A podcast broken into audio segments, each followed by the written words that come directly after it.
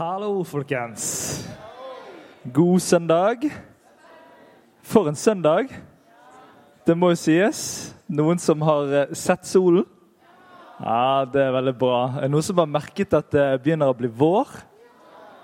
For jeg har liksom i ca. 28 år av livet mitt gått glipp av våren. Jeg har først oppdaget den de siste to årene. Det at liksom naturen våkner til liv. Knoppene sprekker ut. Ja, men altså, jeg mener det. Jeg skal si det skikkelig til dere, altså, som en som har levd litt lenger. For noen av dere.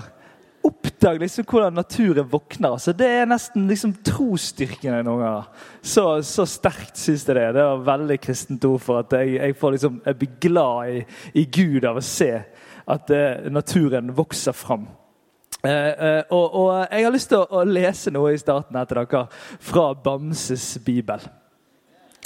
Bamse, Bamses bibel har vært yndlingsboken til eh, Alfred i en periode av hans liv, som er min eldste sønn. Og nå er det Jonathan. Dette er boken vi kan lese, liksom. Eh, og, og, Det er ikke alltid det går an å lese en så lang bok, eh, men denne boken er skrevet på dikt. Eh, form. Og jeg tror faktisk mine sønner har en litt sånn der dyp kulturell greie i seg. Som gjør at de blir litt ekstra med når jeg leser lyriske tekster til dem. Men jeg skal lese Det er helt i starten av Bamses bibel står dette her. Helt i begynnelsen, før tiden begynte. Gud var der før det tornet og lynte. Han hadde en plan, skapte sol og stjerner lærte fuglene å fly, og både svaner og terner. Men kronen på verket gjemte han til slutt. Han skapte Adam og Eva, ei jente og en gutt. Ja, lille venn eller venner. Gud skapte oss også. Tusen takk for meg.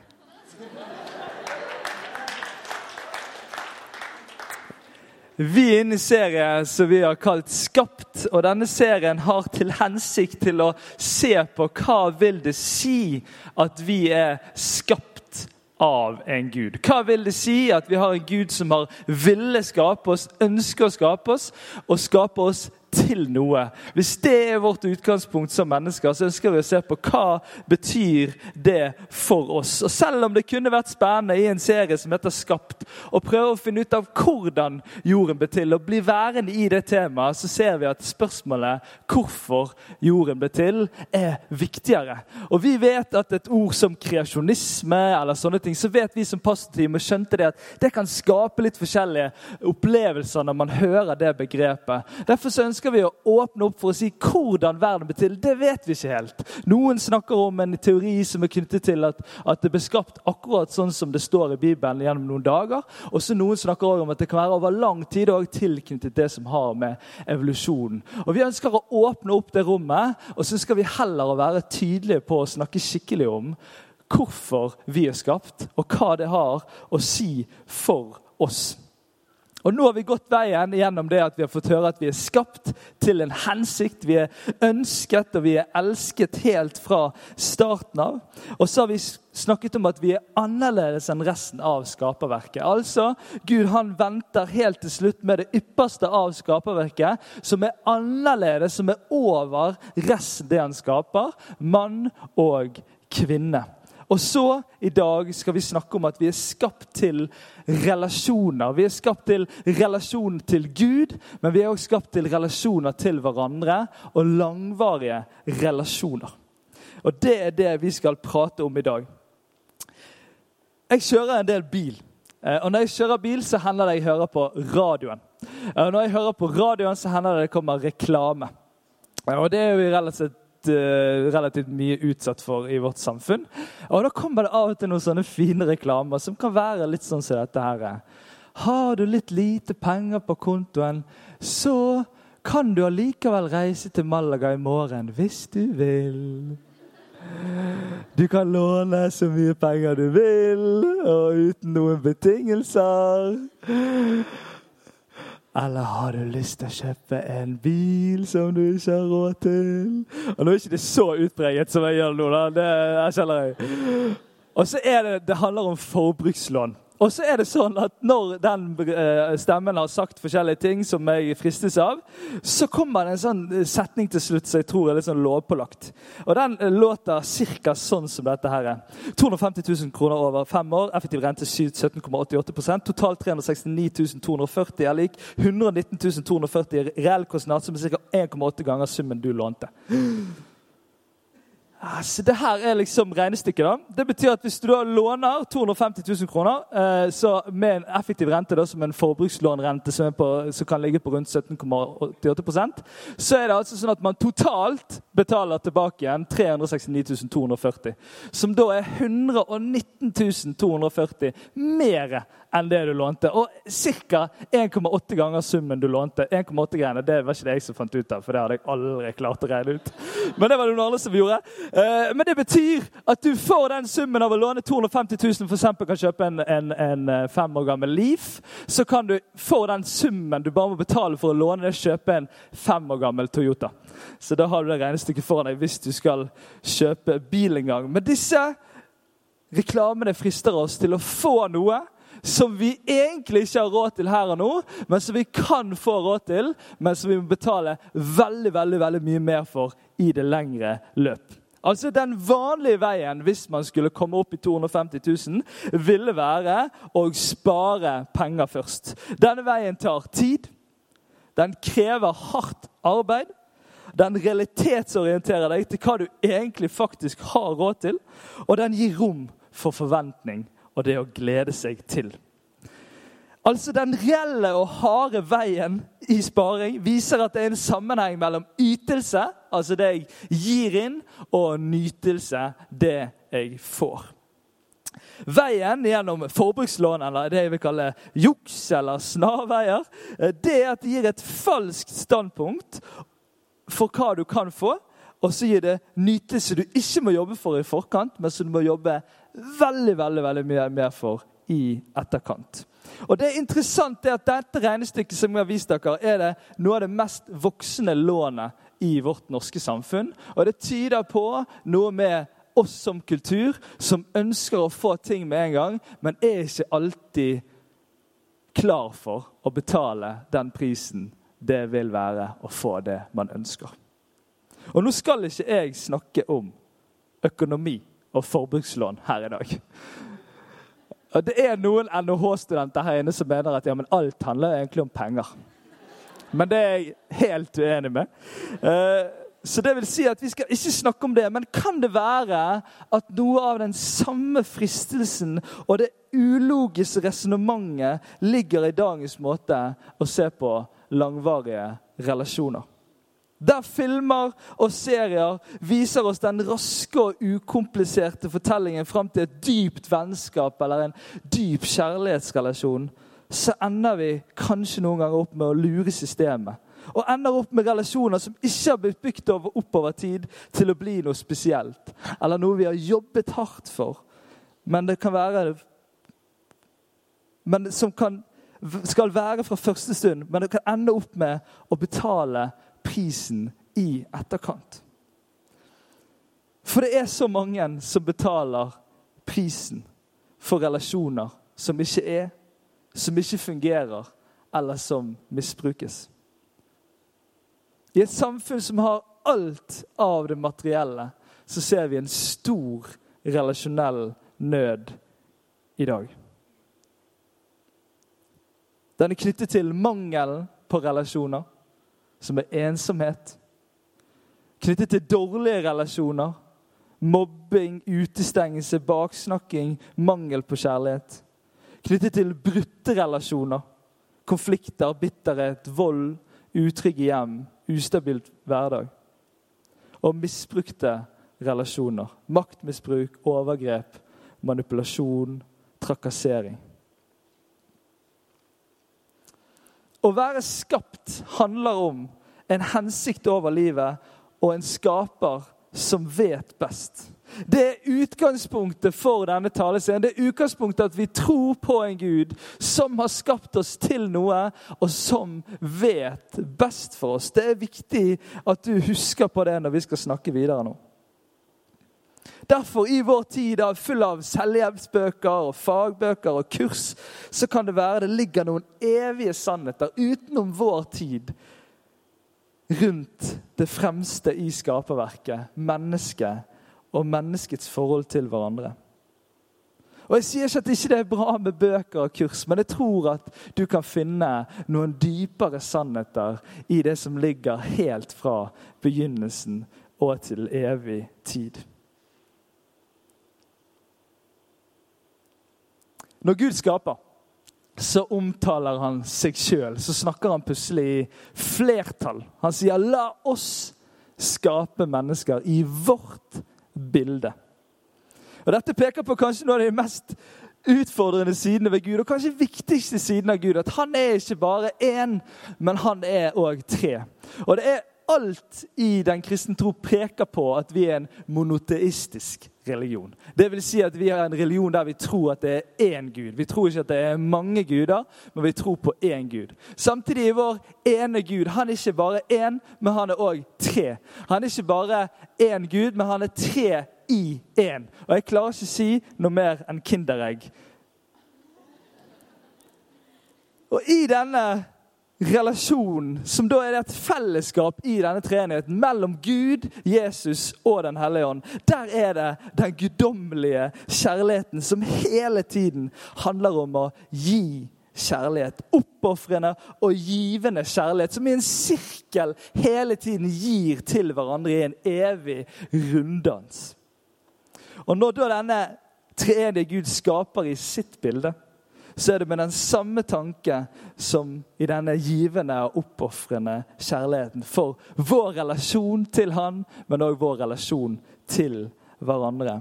Og Hvordan kan man si at Gud er en kjærlighet som er oppofrende og givende?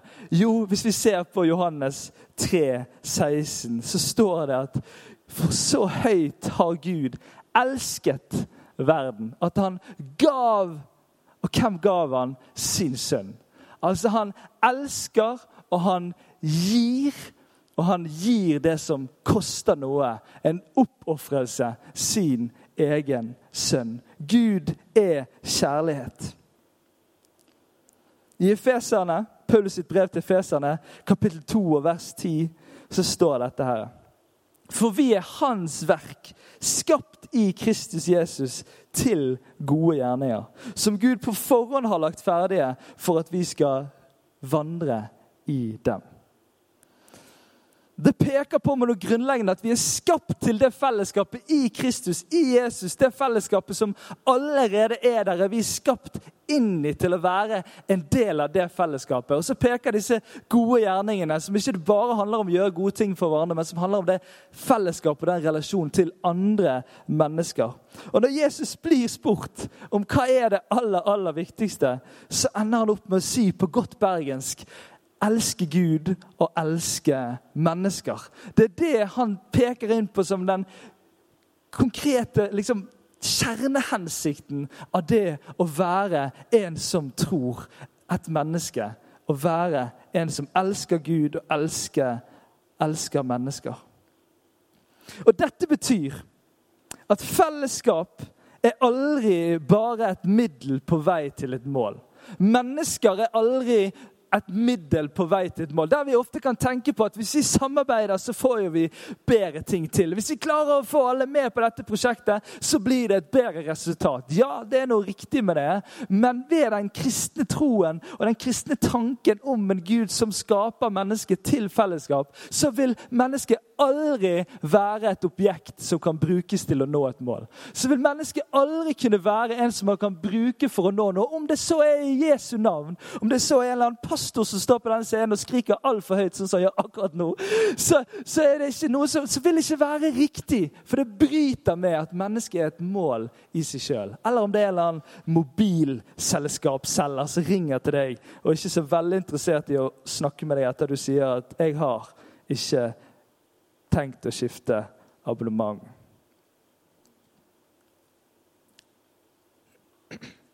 Vi har mange relasjoner i livet.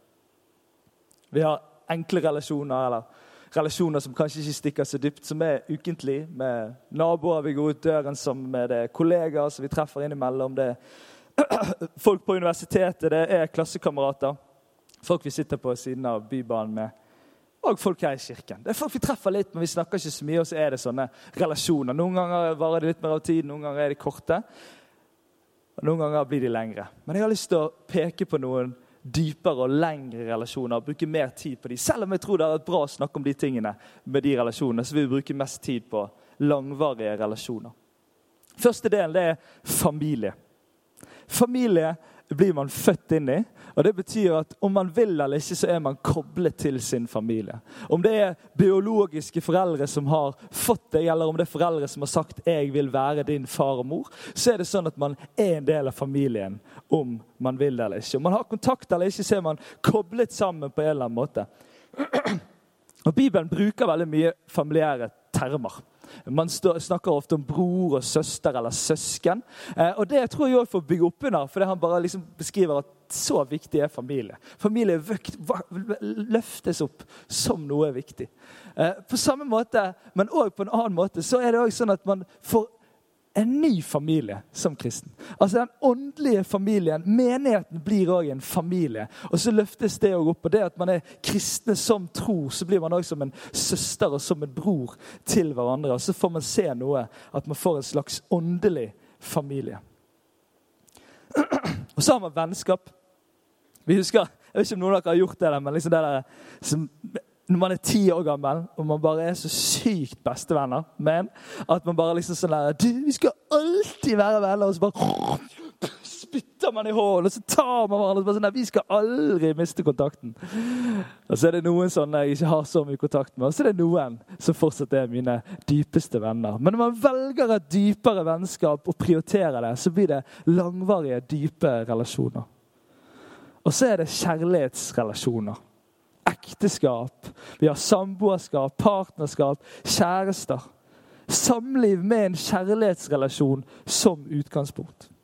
Har en masse vennskap i seg, og man blir jo for så vidt en familie noen ganger. Men allikevel så skiller det seg ut på det intime og på flere måter. I Bibelen hører vi masse om pakter. Avtaler som gjøres. Så Gud starter hele sin plan om å redde menneskene gjennom å velge ut et folk, gjennom å gjøre en pakt med Abraham og med mennesker og si at 'jeg skal holde det jeg har lovd'. Jeg skal gjøre det jeg hadde tenkt å gjøre. Jeg skal gjennomføre det. Og så har man sånne pakter som løftes fram. Når vi skal se på vennskap, så tror jeg at vennskap noen ganger kan være til glede å se på litt mer òg som en pakt. Vi skal lese en fortelling i Bibelen som er helt fantastisk. I Det gamle testamentet så får vi høre om, om David som er oppalt stormene og skal snart bli konge. Og så er det Saul som er kongen, og så er det Jonathan som er sønnen til Saul. Og Dette er en, en historie som står i 1. Samuels bok 18. Gjerne les hele den. Jeg har ikke mulighet til å gå inn på alle dimensjonene på den. Men var, jeg, jeg prekte en gang over dette når jeg skulle snakke om vennskap. og Jeg ble så rørt sjøl over, over det, den historien at vi endte opp med å kalle hele sønnene våre Jonathan. Sånn er det bare. For det er et eller annet nydelig med Jonathan. Han er en enormt god venn. Vi skal bare lese noen utdrag her. 1. Samuels bok 18, 1.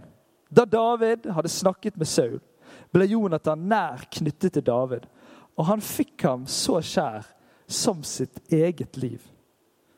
Jonathan sluttet en pakt med David fordi han hadde fått ham så kjær som sitt eget liv. Han tok av seg kappen han hadde på, og ga den til David sammen med stridsklærne, sverdet, buen og beltet. Og Nå er ikke det mange ganger jeg har gitt noen folk stridsklærne mine. Men det er sånn at det er akkurat som dette her peker på noe av det vi snakket om tidligere nå. At han elsker så høyt som sitt eget liv. Peker på den, det som Jesus sier, vi skal elske sin neste som seg sjøl. Og når man elsker, så vil man gi. Og så gir Jonathan noe av det beste han har. Og jeg tror at Når vi ser på vennskap som en langvarig relasjon, så trenger vi også å se på det mer som en pakt. Noe man velger, noe man velger å gjøre selv om det ikke alltid er like bra. Selv om det ikke alltid passer like bra, selv om det ikke føles, alltid føles like bra. Så velger man å stå i et vennskap som om det var en pakt. Tre ganger står det i historien mellom Jonathan og David at han får han kjær som sitt eget liv. Det handler om at man er så glad i noe at man setter den personen høyere enn seg sjøl. Han setter andre før seg sjøl. Andres behov før sine egne. Og så gir man det beste man har. Det beste man har, kan være tid. Det beste man har, kan være en økonomisk støtte i en spesielt vanskelig tid. Det kan være en tjeneste når man virkelig trengte det. Man gir noe som man har å gi, til noen fordi man har sagt 'Jeg skal være din venn'. Vi er venner. Og jeg tror noen ganger at vi ender opp med veldig veldig mange venner, og så mister vi noen av disse dype vennskapene fordi vi er ikke villige til å betale prisen for det. For det koster. Det koster å gå inn i dype vennskap og langvarige vennskap.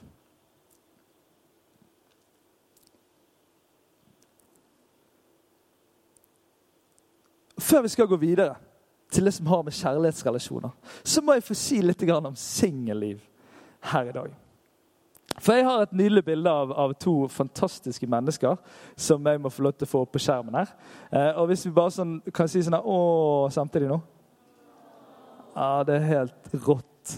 Altså, Dette er Torben og Martha. De skal gifte seg, og de har vært ulovlig oppe på taket rett der borte og tatt bilder. Eh, og eh, Det er Martha som da eh, skriver dette her, og det er helt nydelig skrevet. You don't complete me. Tommy bare kjenner seg elsket og ønsket og alt det der. Det er helt nydelig. Dette er ungdomsledere i vår kirke, og, og jeg elsket den greien der. For det, er så viktig, og det er så mange som går rundt som single, og som bare venter på at til jeg skal finne en. Da blir jeg fullstendig. Da blir jeg sånn som jeg det skulle være. Og så er ikke det riktig skapelsesmessig at man ikke er fullstendig som seg sjøl. Når Gud skaper mann og kvinne, så skaper han dem med sine av hverandre. Ikke for at det bare skal være et fullstendig bilde når de er sammen, men som enkeltpersoner også. Og Det er så viktig, for jeg opplever at i kristne sammenhenger så kan det finnes en liten tanke om at jeg må finne meg noen å gifte med. Hvis ikke jeg finner meg noen å gifte med, så må jeg bare sette livet på pause og vente til den personen kommer inn i livet mitt. Så skal jeg begynne å leve. Eller så kan jeg begynne å tjene. Eller så kan jeg begynne å tenke langsiktige tanker om livet som ligger foran. Så kan jeg begynne å bestemme for hva jeg brenner for, og hva jeg tror for livet som ligger foran. Du, å sette liv på pause er ingen god idé. Uansett. Og det er aldri sånn at du skal måtte gjøre det for å vente på noen. Ja, du kan lengte etter å leve sammen med noen. Jeg tror det er en lengsel som ligger inni oss alle. Allikevel så tror jeg at det er et fullverdig liv å leve. Enten som singel til man finner noen, eller òg som singel hele livet. Og Det er så viktig å si, for dette her fins det en eller annen sånn tanke om at, at, i kristne sammenheng at det ikke er sånn. Og at man skal skamme seg hvis man ikke ennå har funnet noen. Eller, det er et eller annet rart som er kommet fram der, fordi at man har glede av å løfte fram kjærlighetsrelasjonen i ekteskapet, så har man mistet noe av det som har både med vennskap og kall i det å være og bare seg sjøl. Og til dere som er gift der inne.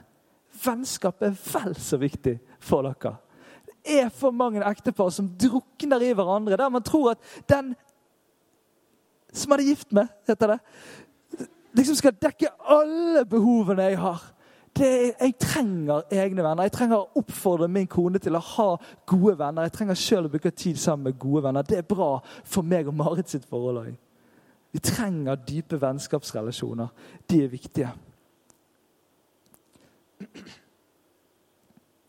Ikke vent med å finne ut av hvem du er, til du finner noen, så skal dere sammen finne ut av det. Begynn nå. Og nå skal jeg komme med tidenes tips. Fra en erfaren kar.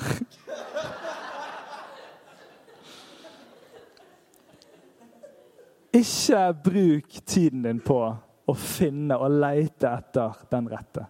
Bruk tiden din på å bli den rette. All right? Ja, Det er så bra at du, du burde skrives en bok om det sitatet der.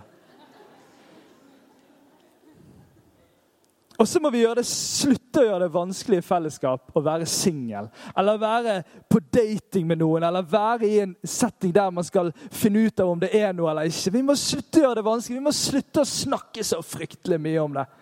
Og så må vi slutte å spørre folk hele tiden hvis de nærmer seg en viss alder. Det er så tullete, og det peker på noe underliggende som ikke er rett engang. Men som bare ligger en sånn feil forventning i av og til i kristne settinger. Skal vi være enige om det? Og det ligger av og til noe sånn Vi kommer, tror vi kommer med sånne gode komplimenter. Vi sier sånn 'Hvordan kan du som er så bra, være singel fortsatt?' Det er tidenes dårlige kompliment. altså. Nå kan det være jeg har sagt det, og flere har sagt det. jeg kjenner det. Men det, er, det bare skaper usikkerhet hos den personen. Men er det egentlig noe, da? Selvfølgelig trenger ikke være noe for å være det. Jeg har nok av venner til å tilsi at det ikke er sannhet i det i det hele tatt. Vi må slutte å kanskje spørre sånne spørsmål. Heller snakke med den personen som at den er fullt verdig og akkurat der den skal være, sånn som den er akkurat der den er. Ikke vent med å investere i ting. Ikke vent med å, å, å, gå fullt inn i arbeidslivet og leve fullt ut. Begynn nå der du er. Hørte dere dette? Og så må det være enklere å date. Vi må ha et bilde til på skjermen her. For det er helt klart at dating i kristen setting er jo utrolig krevende. For det er litt sånn som dette her.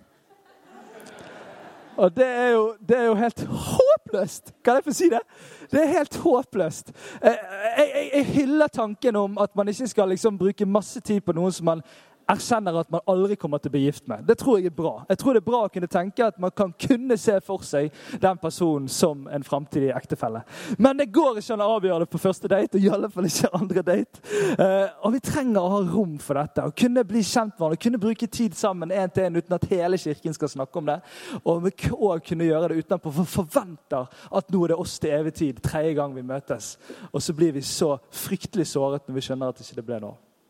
Det må gjøre det lettere å date. Vi må ha litt mer avslappet forhold til det. Det tror jeg er bra. Nok kjærlighetstips for André i dag. Eh, men samtidig så ligger det noe grunnleggende i oss mennesker om å ville finne noen å dele livet med. Jeg har en, en, sønn som heter Alfred. Han er tre, tre, tre år nå. Tre og et halvt. Og han, han er han, han, vet allerede hvem han skal gifte seg med. Det er Camilla. Og han vet hvor de skal bo. Det er det gule huset som vi bor i nå. Og meg og, meg og min kone vi skal flytte til farmor og farfar. Og så skal han ha den hvite bilen, som da er Leafen, og så skal vi ha den gamle Toyotaen. Han er helt tydelig på dette. Og jeg har vært på foreldresamtale i barnehagen. Og der denne barnehage, hva kaller man det, som jobber i barnehagen, kommer til meg og sier du må prate litt med sønnen din om denne jenten Camilla. For han blir så lei seg når han ikke får sitte ved siden av henne. Og når han ikke får oppmerksomheten av henne som han kjemper for dagen lang. Og jeg sitter der og tenker det er noe hakkende gale. Eller det er noe hakkende gale med Birkeland-slekten, for vi er alle sånn som det. Og det var helt krise. Men det ligger noe naturlig i dette. Av å ville finne noen å ha en dyp, kjærlig, langvarig relasjon med. Og Nå må vi ta en liten time-out. For nå kommer vi inn på temaer som er kontroversielle. Det betyr at de har masse følelser til seg, masse tanker og masse meninger. Og Før jeg går inn på dette, så har jeg lyst til å si at det er plass til deg og alle dine meninger. Høy takhøyde ønsker vi at det skal være i denne kirken. Og erkjennelse av at mange av disse temaene er fryktelig vanskelige. Både pga. relasjoner vi har nå, eller relasjoner vi har hatt, eller relasjoner, menneske, menneske, eller relasjoner som er rundt oss som av mennesker som vi er glad i og som vi bryr oss om.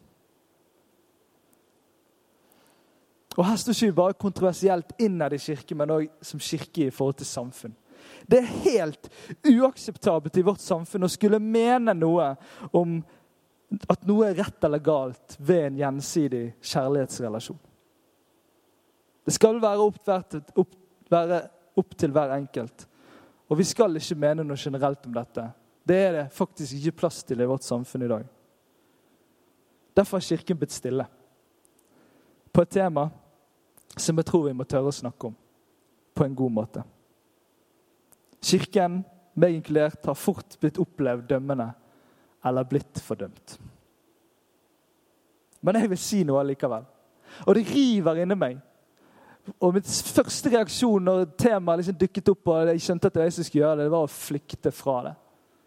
For jeg vet hvor minefeltet er når man går inn på dette. Jeg vet hvor fort man kan trå feil, og jeg har så respekt for det og jeg har så ønske om å ikke gjøre det.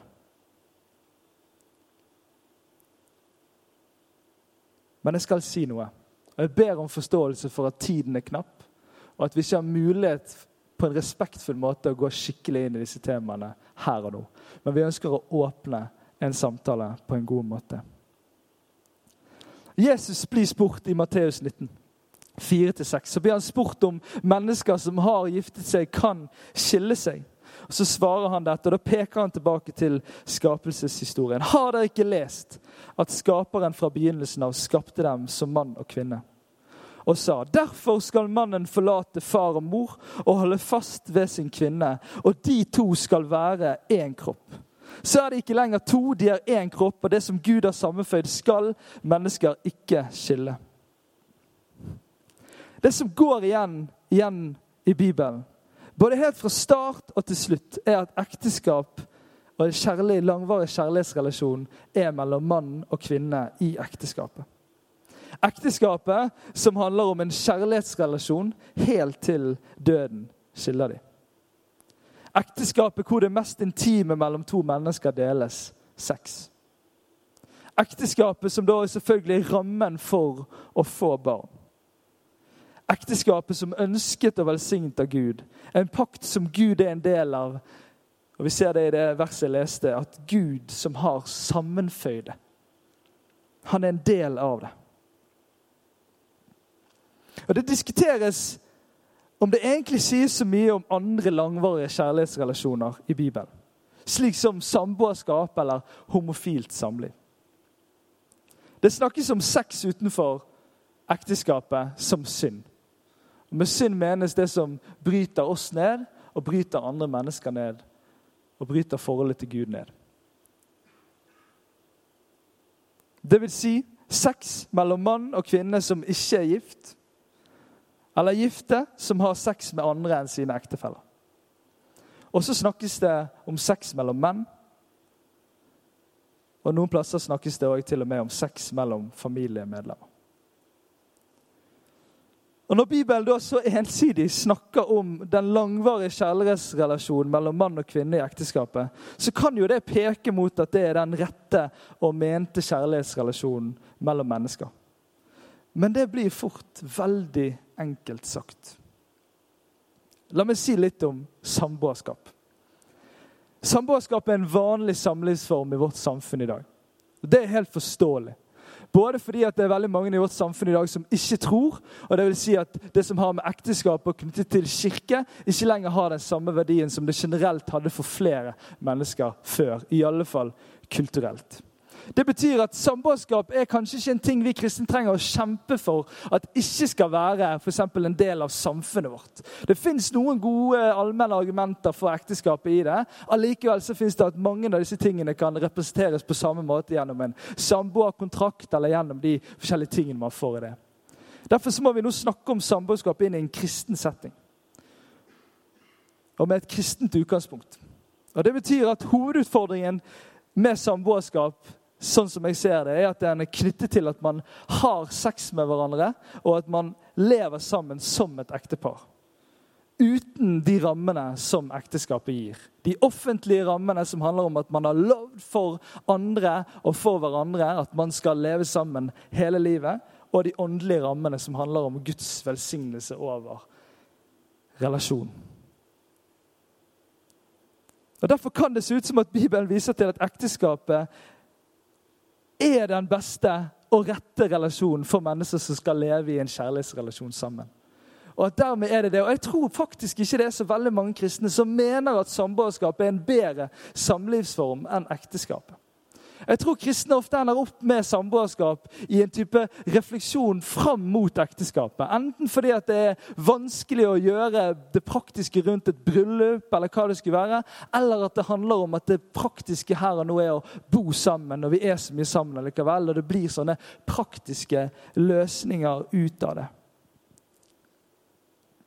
Jeg har lyst til å løfte fram litt det jeg startet med, i forhold til at det er verdt å spare til noe.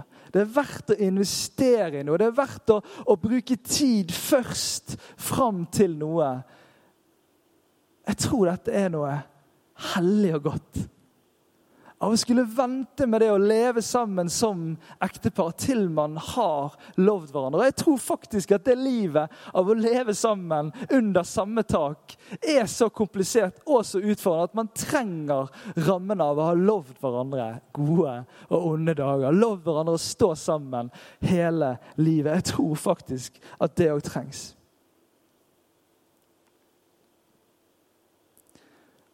Og så må man forstå at det er sånn at man òg trenger å ha konsekvensene og være klare for de. Og da er rammene av et langvarig eller et, et, livsvarig forhold i forhold til det å få barn er utrolig viktig og er ment til å være livsvarig mellom de som får barn.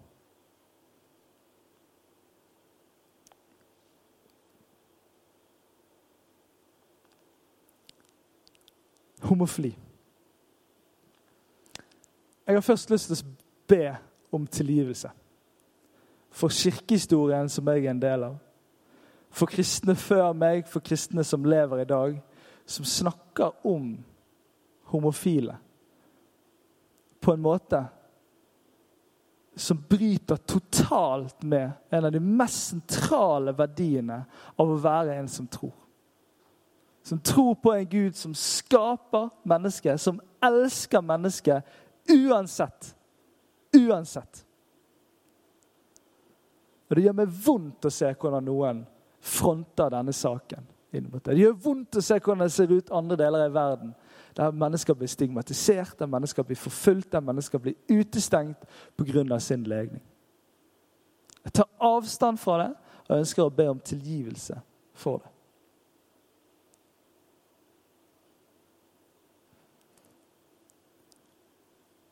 Homofili skiller seg ut fra mange andre ting når det gjelder det at hvis man tror, eller om man tror at det er mot Guds vilje, at det er synd.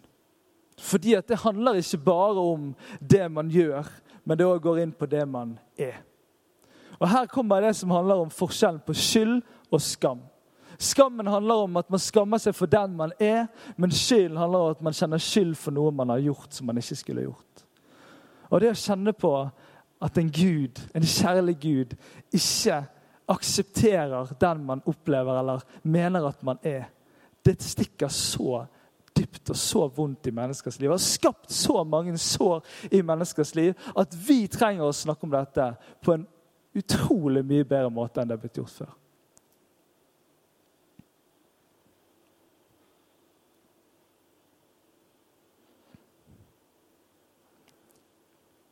Det diskuteres blant de lærde om det, Bibelen i det hele tatt snakker om en langvarig relasjon mellom samme kjønn.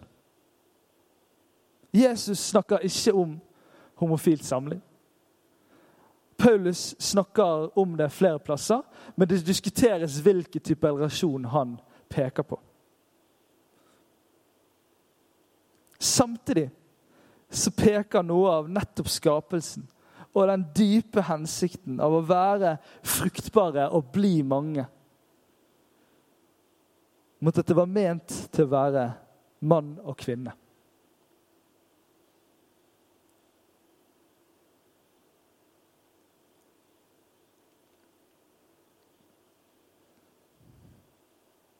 Det fins et konservativt syn i dag som sier at det å være homofil, homofil er ikke synd.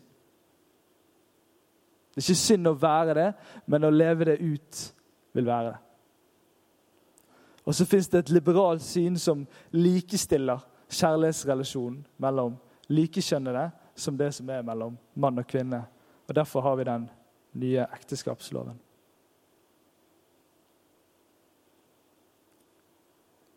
Noe jeg syns har vært det vondeste med denne saken, er den ufattelige, polariserende debatten mellom kristne på dette området.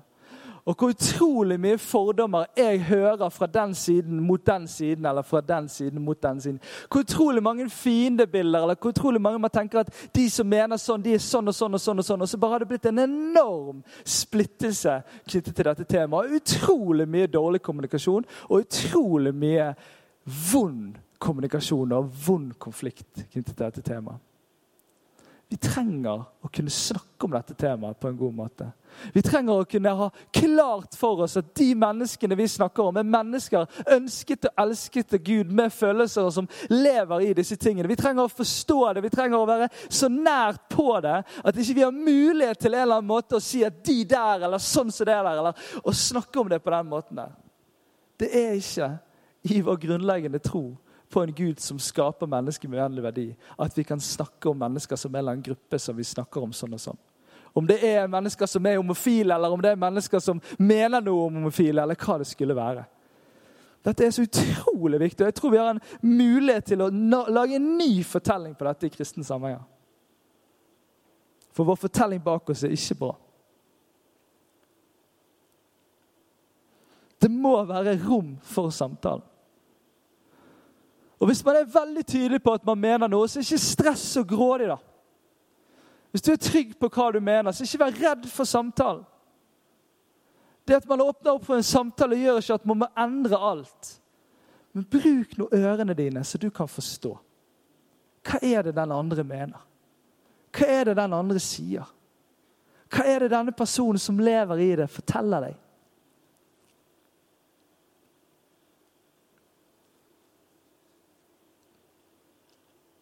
Midt i dette. Så vanskelige og til tider uklare. Så har jeg valgt å sette Bibelen over meg. Det betyr at jeg har valgt å la Guds ord definere hvem jeg er, og hva som er rett for meg og andre mennesker. Og Det forholdet ønsker jeg å leve i.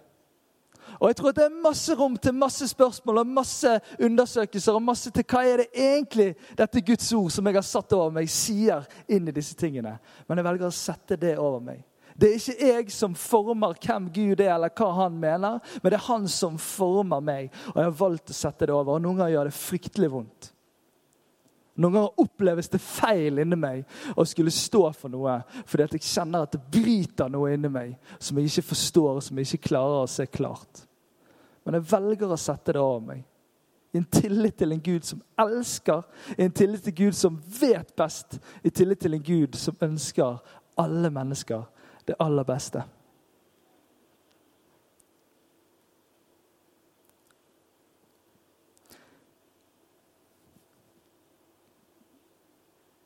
Til slutt må jeg få lov til å dele litt om min farfar. Få et bilde opp på skjermen her. Han gikk bort eh, forrige uke, og vi hadde begravelse nå på torsdag. Jeg hadde gleden av å forrette den begravelsen og, og gjorde en del forberedelser. Dette er en mann som er barn av sin tid. Han er en arbeidskar. Han hadde knust alle dere liksom, da han var 90, så han hadde knust alle dere i å bære stein. Han er helt rå. Han hadde ingen ord for følelser i det hele tatt.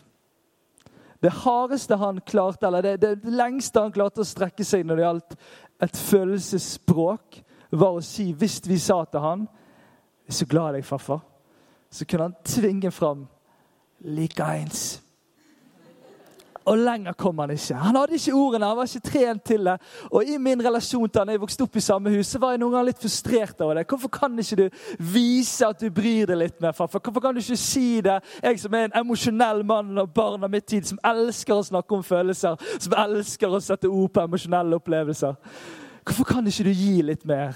Og så er det akkurat som at noe av det hadde blitt litt uklart av de andre sidene av min farfar. Så når jeg begynner å forberede denne begravelsen, og jeg skal ha en tale i denne begravelsen, så begynner jeg å se på denne mannen sitt liv. Så ser jeg noen uendelige store verdier i denne mannen. Og en av de største verdiene jeg oppdager, det er trofasthet. Altså, Det er ingen andre som jeg kan komme på som har vært mer trofast enn denne fyren. En trofast ektemann, trofast pappa, trofast bestefar, trofast kollega. 40 år i Bergen kommune som kloakktømmer. 40 år sto han i den tjenesten. Trofast besøker til eldre i Blomsterdalen. Trofast i alt det han har stått i.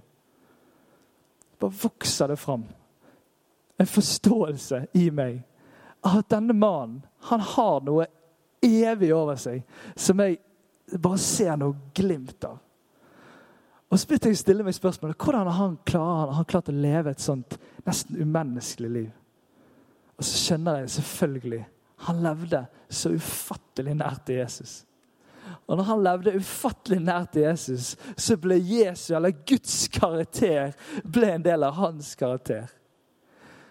For det er det som skjer når vi er nært på Jesus, når vi er sammen med Jesus, så vokser hans karakterer fram i oss. Vi leser det som åndens frukter. Akkurat som at det vokser frukt på et tre, så vokser det fram i oss når vi er koblet på Jesus, som da er treet. Men åndens frukt er kjærlighet, glede, fred, overbærenhet, vennlighet, godhet, trofasthet, ydmykhet og selvbeherskelse.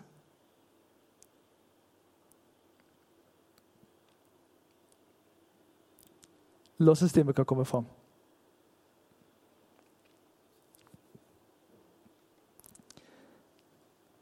Jeg er redd for at denne trofastheten holder på å dø ut med en generasjon som har vist det på et helt annet nivå enn noen kan gjøre seinere. Men jeg tror at den største trofastheten ligger i å få lov til å få Guds trofasthet i den relasjonen med Jesus i den nærheten med han. Og at det kan vokse fram i oss. Og at kanskje det òg er det beste i forhold til å kunne stå i langvarige relasjoner av tid. Det er å bli påvirket eller bli fylt opp av og bli mer og mer som Guds karakter inn i de relasjonene som vi har. Og så fins det noe i forhold til relasjoner. Og jeg har vært litt inne på det som handler om kortsiktig versus langsiktig. Og det peker mot relasjonelt mot.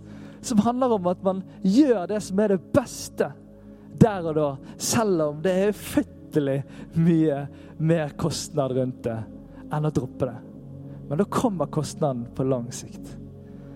Det å ta den samtalen, det å ta det oppgjøret, det å be om den tilgivelsen som man kjenner at man skal gjøre, det er et eller annet der i forhold til det kortsiktige og langsiktige. Min farfar han lå på det siste. På fredagen hadde vi ganske mye kontakt med han, og så på lørdagen så får man ikke kontakt med han. Og alle barna hans står rundt han. Min farmor gikk hjem til Jesus for noen år siden. Han ligger helt, og de får ikke kontakt, og det er ikke noen bevegelse. Så slår klokken ti på halv seks, og så løfter min farfar sine hender.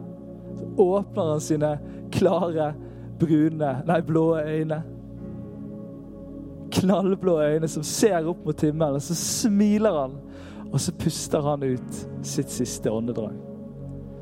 Og så sier min kusine det så fint på en måte. Går ikke an å tvile på at det fins noe mer der, når man så hvordan han gikk hjem til Jesus. Han så noe der inne. Samtidig så hadde ikke min farfar noen ting annet. Selv om hans fortelling var full av masse gode gjerninger, masse gode ting han hadde gjort, masse han kunne vise til. Så det regnestykket hadde ingenting å si når han lå der på det aller siste. Det eneste som hadde noe å si, det var at han kjente Jesus Kristus, og hans nåde var over livet hans. Det var det eneste som gjorde at han kunne stå der med åpne armer og smile inn i døden. For han visste at det fantes et liv videre, og han så nok Jesus eller et eller annet av det som lå foran der. For han smilte når han gikk hjem. Det var det eneste som gjaldt. Dette er så ufattelig viktig når vi skal snakke om disse tingene. Og dette skal bli en samtale videre i Life-gruppa, Det skal bli en samtale videre i denne kirken. Det skal være en samtale blant kristne. At vi må ha utgangspunkt at vi alle står på fundamentet av nåden. Og det er det som skiller oss. Det er det som, som gjør det annerledes. Det at vi har fått stå på den, og det er det eneste som er forskjellen. Og Det er det vi stoler på. Det er det som gjør at når vi møter mennesker som enten ikke har fått det ennå, eller som strever i livet, så står vi ikke der som noen som tror de har kommet litt lenger, eller som tror de er noe bedre. Men så står vi der som mennesker som bryr oss, som ser, som ønsker å være i disse tingene sammen med mennesker.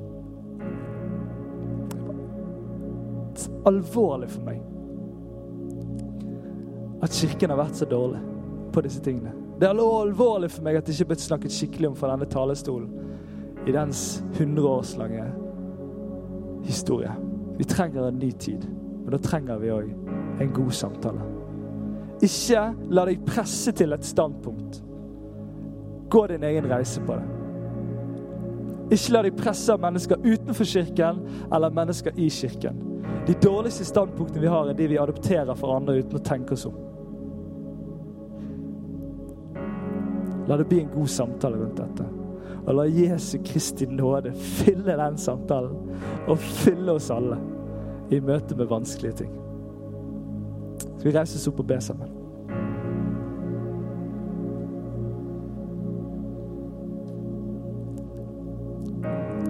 Takk, gode Gud, for at du har skapt oss. For at du ønsker og vil det beste for oss, og vet det beste for oss. Må du hjelpe oss til å søke sannhet. Hjelpe oss til å se sannhet. Og hjelpe oss til å si sannhet gjennom din kjærlighet og din nåde. Gi oss visdom til å åpne samtaler til å møte mennesker der de er. Til å se mennesker der de er. Til å forstå mennesker der de er. Gi oss ditt hjerte for mennesker. Her. Du som elsker. Du som ser hele bredden av livet. Må du vise vei. Amen.